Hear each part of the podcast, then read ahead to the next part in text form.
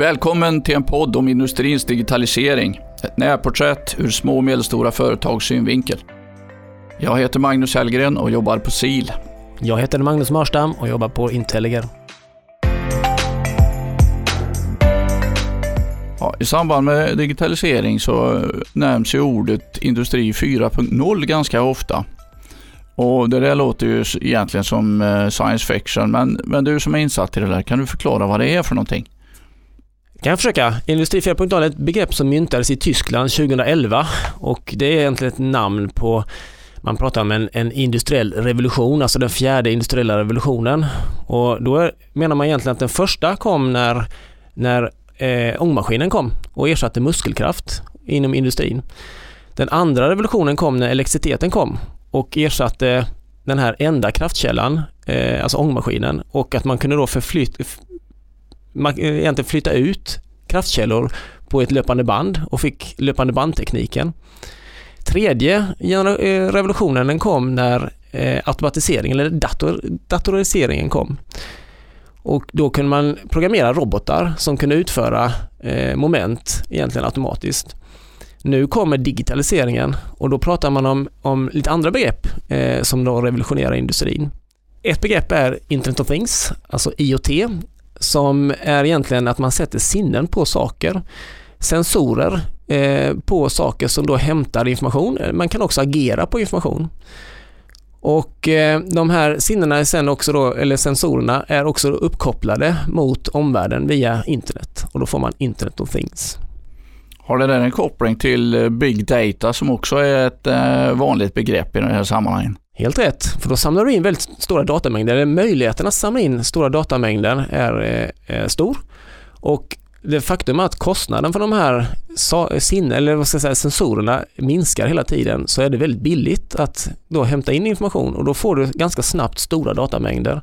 Och det brukar man referera till big data, helt riktigt. Och för att få någon kunskap ur de här stora datamängderna så behöver man ofta ha lite hjälp och då kan det vara till exempel i form av artificiell intelligens pratar man om och det är egentligen datorer som är programmerade att lära sig själva och bli bättre hela tiden. Det kan vara att söka efter olika mönster till exempel i, i information eller lära sig av data. Så det blir helt enkelt så stora datamängder så en människa klarar inte av att analysera och tränga in i det här utan man behöver hjälp av datorer, robotar för att analysera data för att få ut något vettigt ur dem.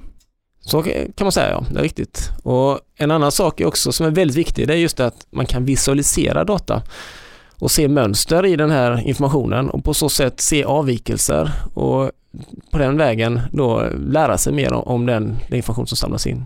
Vad skulle man kunna använda det till? Har du sett några exempel på det? Ja, det finns massa exempel egentligen inom sjukvården till exempel där, där man använder AI för att eh, analysera cancerfotografier eller bilder eh, och på så sätt identifiera cancer. Eh, men det finns ju mängder med exempel där AI är, eh, skapar ett beslutsunderlag eh, och tar vara på information. Jag har sett exempel på det när man använder den typen av väldigt stora datamängder för att analysera fel på produkter för att, bli bättre på att konstruera saker rätt ifrån början och för att ha ett bra system för att underhålla grejerna så använder man den här eh, informationen, eller data egentligen som finns i systemen för att hitta de svaga punkterna och hitta mönster i, eh, i beteende hos maskiner som gör att man kan bättre underhålla dem. Inom industrin finns det också exempel där man med hjälp av kameror kan identifiera eh, och ta kort och lära sig då hur defekter ser ut och eh, sortera de här defekterna och eh, egentligen ha en kontrollgranskning på alla producerade produkter. Du brukar ibland prata om horisontell och vertikal integration. Vad är, vad är det för någonting? Kan du förklara det med, på ett enkelt sätt? Ja, den här informationen som skapas måste ju då ofta förflyttas mellan olika parter. Och förflyttas den här informationen, säger man längs en leverantörskedja till exempel, så brukar man prata om en horisontell integration, att integration, eller informationen måste integreras med, mellan olika system mellan de här leverantörerna. Vertikal integration däremot, det är ofta inom ett företag när information måste flöda från till exempel produktionssystem ner till produktionsmaskiner i den ledden. Och jag brukar ta ett exempel eh, med, eh, säg, säg, säg att du ska, att det gick att skanna av din fot exakt med en mobiltelefon och få en exakt 3D-kopia av din, eller 3D-modell av din fot och kunna beställa en sko som är precis avsedd för din fot. Säg att du skulle beställa en sko först Magnus och sen beställer jag en sko direkt efter från samma fabrik. Men dina har lite andra egenskaper, lite andra material än min sko. Och då kan du tänka dig hur, hur då det här informationsflödet måste se ut. Dels är det kanske andra underleverantörer inkopplade till din sko. Så att då måste den horisontella integrationen funka väldigt väl. För att våra skor ska produceras efter varandra i, i den här fabriken. Först produceras din sko och sen måste produktionsapparaten ställa om för att sen kommer min sko ska produceras, eller ska min sko produceras därefter. Och då när den här eh, produktionsapparaten ställer om så kan man prata om en vertikal integration då mellan systemen som krävs för produktionen. Ibland så hör man uttrycket eh, digital tvilling. Eh, det låter också som eh, science fiction, men vad är det egentligen? Ja, inom Industri 4.0 så pratar man om digitala tvillingar och ett begrepp som heter cyberfysiska system. Och det är egentligen att man låter den fysiska världen möta den virtuella världen. Att det kan finnas då en digital representation av din maskin till exempel, eller hela fabrik för den skull, i eh, en virtuell värld. Digital representation, det låter komplicerat. Vad, vad, vad menar du med det? Jag menar egentligen att det finns eh, både att till exempel maskinen i eh, är, eh, finns som en, en eh, digital modell men också egenskaper som maskinen har så att du kan köra den här maskinen i en virtuell värld, alltså i en digital vad ska man säga, låtsasvärld nästan och på så sätt simulera att du kör till exempel maskinen x antal timmar eller producerar saker eh, under vissa förhållanden och då kan man testköra och även spola fram i framtiden och se hur skulle den här maskinen bete sig efter x antal tusen olika producerade produkter till exempel. Och på så sätt skapa sig ett beslutsunderlag. Eh, för att det här med simuleringar blir allt mer kraftfullt och man kan då ta in allt mer olika egenskaper för att simulera hur saker och ting kommer se ut framåt. Det som också är spännande med simuleringar det är hur du kan simulera hur, en, hur din produktion kan se ut. Alltså om du har en produktionslina till exempel och du kan se hur olika takter skulle på, få påverkan eller hur, hur information eller hur egentligen materialflöden ska flöda inom en fabrik. Sådana saker kan man simulera också och eh, effektivisera kanske på det sättet. Vad är vinsten med att eh, simulera? Då kan man ju testa mycket utan att du behöver göra det i den verkliga världen. Utan du testar i en, en eh, vad ska man säga, en, en fiktiv miljö eh, och på så sätt får information hur, hur det skulle se ut i din fysiska miljö. Mm. Det är det som också ibland kallas för virtual commissioning. Eh, jag har sett några exempel på det när man skulle installera en eh, alldeles ny maskin eh, mitt i en produktionslina. Och då använder man just en sån här en CAD-modell av maskinen och stoppar in egenskaper och så testar man det i datorn innan man gav sig till att installera maskinen på riktigt.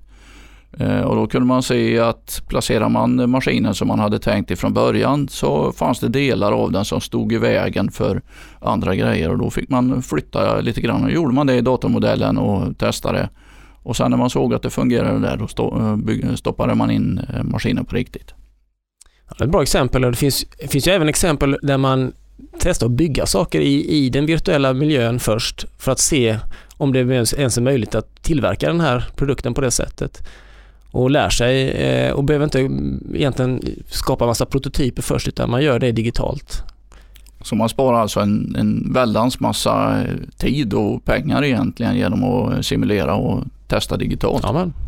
Vi har ett begrepp som också används, jag har hört det i samband med mm, spel och sånt där och det är VR och AR. Eh, vad är det för någonting?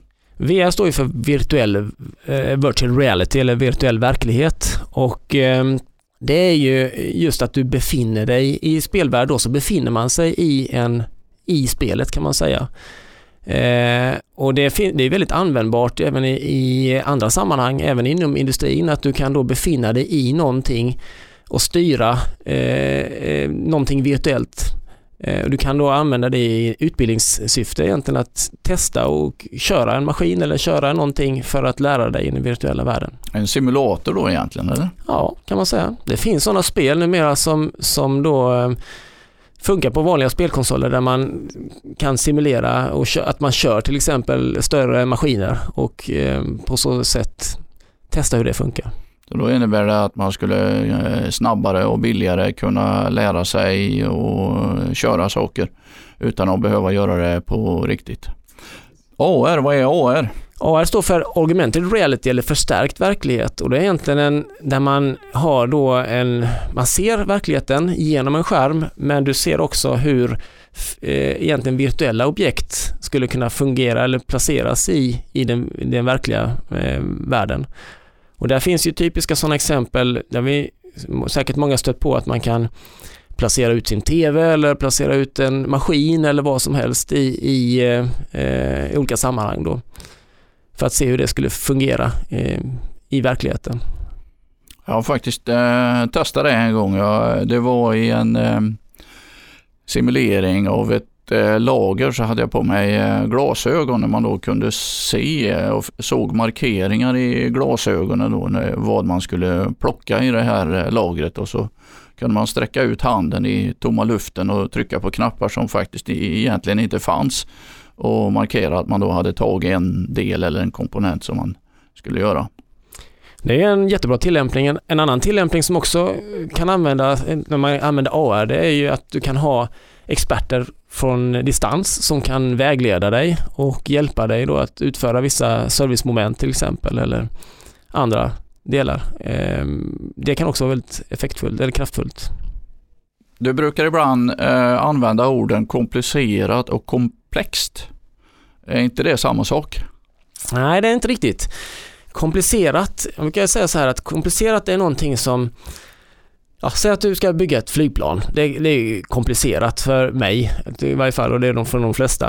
Eh, men det är inte olösbart för du har alla förutsättningar klara för dig. Men komplext, när någonting är komplext så är det, är det så mycket olika parametrar som kan ändra på sig och som får påverkan hela tiden så att det är svårt att, att förutse, eller det finns egentligen ingen förutsedd plan för lösningen. Det går att genomföra men det är, det är baserat på så många olika parametrar och det kräver ofta då stöd i någon form och där kommer ofta digitaliseringen in som en hjälp att göra någonting komplext till att reducera komplexiteten i det hela.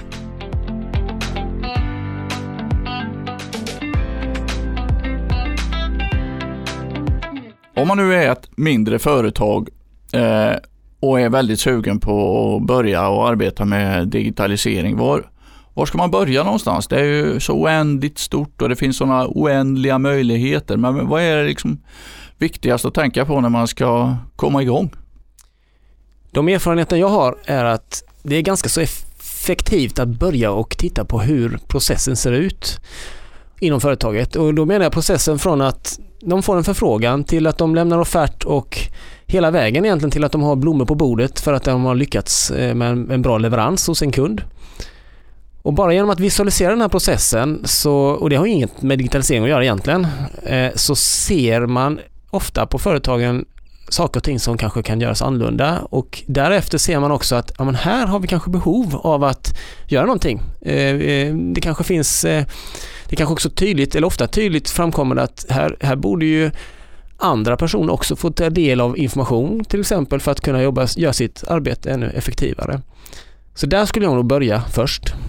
Så man kan egentligen då börja med papper och penna och post-it-lappar och rita upp hur man faktiskt jobbar? Ja, så som jag jobbar så brukar jag egentligen tapetsera en vägg med en sån här eh, film så att man kan både skriva eh, och skriva, sätta upp post-it-lappar för att då egentligen dokumentera processen eh, och därigenom så, vi, så man får en gemensam bild av hur, hur sker den här värdeförädlingen genom företaget. Och därefter sen så tycker jag att man ska fundera på hur kan kundvärdet öka? Och um, jag brukar säga att det finns tre steg. Det första steget tycker jag man ska fokusera på det är att, att effektivisera någonting som man redan gör. Eh, det kan vara att man har någon flaskhals eller någon kvalitetsbrist eller någonting men att man börjar egentligen lågt. Och, det brukar man kunna se när man ritar upp eh, processerna på en vägg som du sa. Ofta har ju företagen ganska bra koll på att de har kanske vissa kvalitetsutmaningar eller flaskhalsar eh, längs produktionen.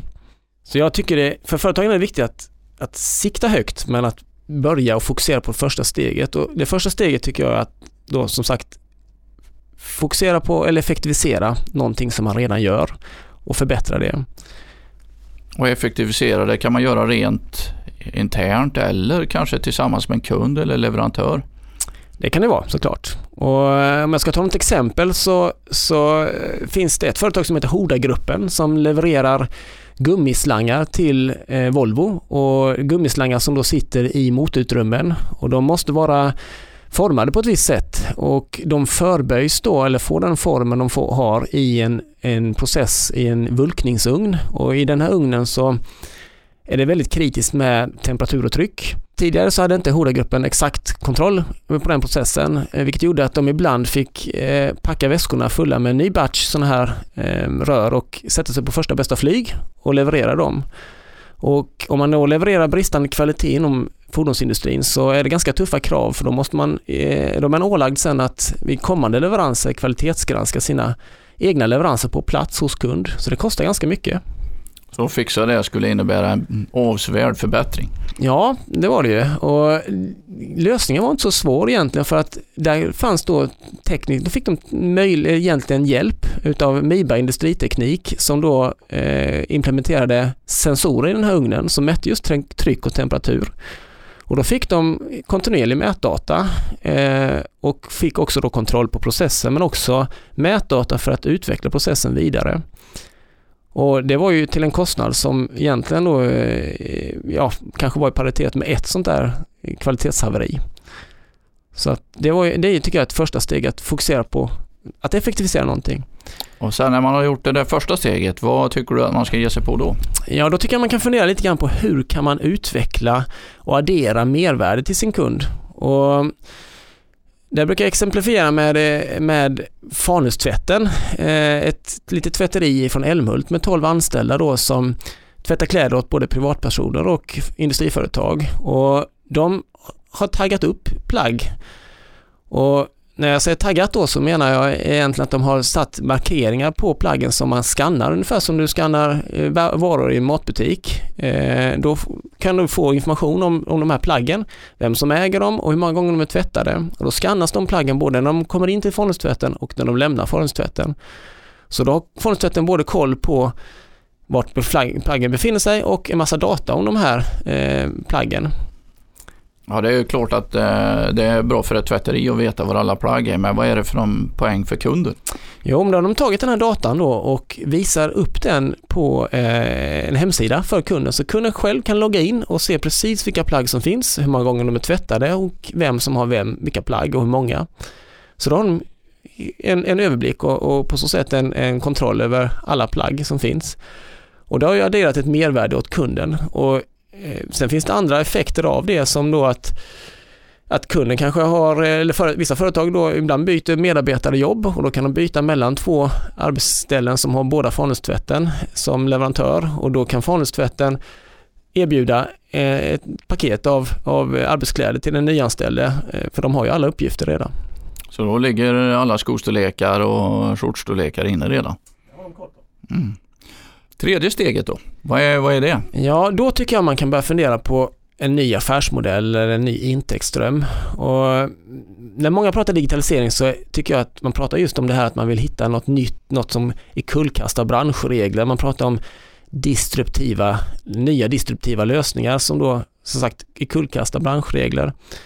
Men jag tycker det är bättre att fokusera på det i sista led för det kommer komma mer eller mindre naturligt. Så om man återigen tar Fanlustvätten som ett exempel så, så har de utvecklat en app som eh, man använder i mobiltelefon och med din mobiltelefon kan du då skanna av den här taggen eller den här markören som finns på ditt plagg och tala om till exempel att i de här byxorna som jag har så är det ett hål i höger ficka, kan ni laga det åt mig? Och då har de ju då en tjänst att de kan laga de här plaggen också och eh, en ny intäktsström kan man säga som har utvecklat, kan man säga också, en möjlighet till ny affärsmodell. Mm.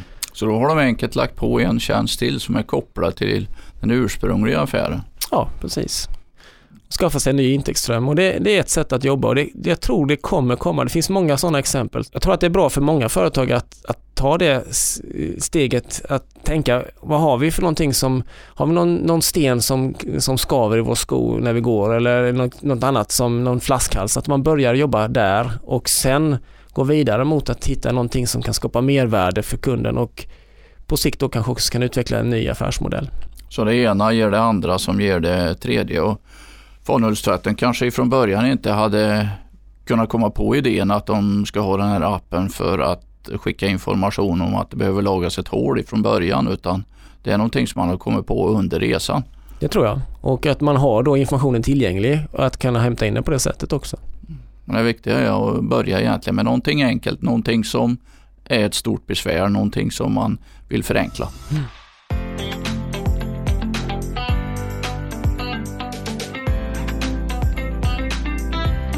Det finns ju stora möjligheter idag att samla in eh, mycket data ifrån produktionen. Man kan ha sensorer i maskiner och i, till och med i komponenter. Eh, och det där, när man lägger det på hög, blir en väldigt stor mängd data. Men eh, vad är det för någon nytta med det? Ja, nyttan kom, jag, jag, tror att ditt första steg är bra att börja samla in data eh, för att sen, vet, sen förstå vad man kan använda datan till. Det är inte säkert att man behöver ha det Eh, ha koll på det från början. Och Många eh, företag har ju produktionstekniker. Eh, jag skulle vilja se att man också eh, ansvar, utser någon som är produktionsdatatekniker. För att jag tror att produktionen genererar mycket data som kan vara värdefull. Och värdefull kanske för både en själv men också för andra.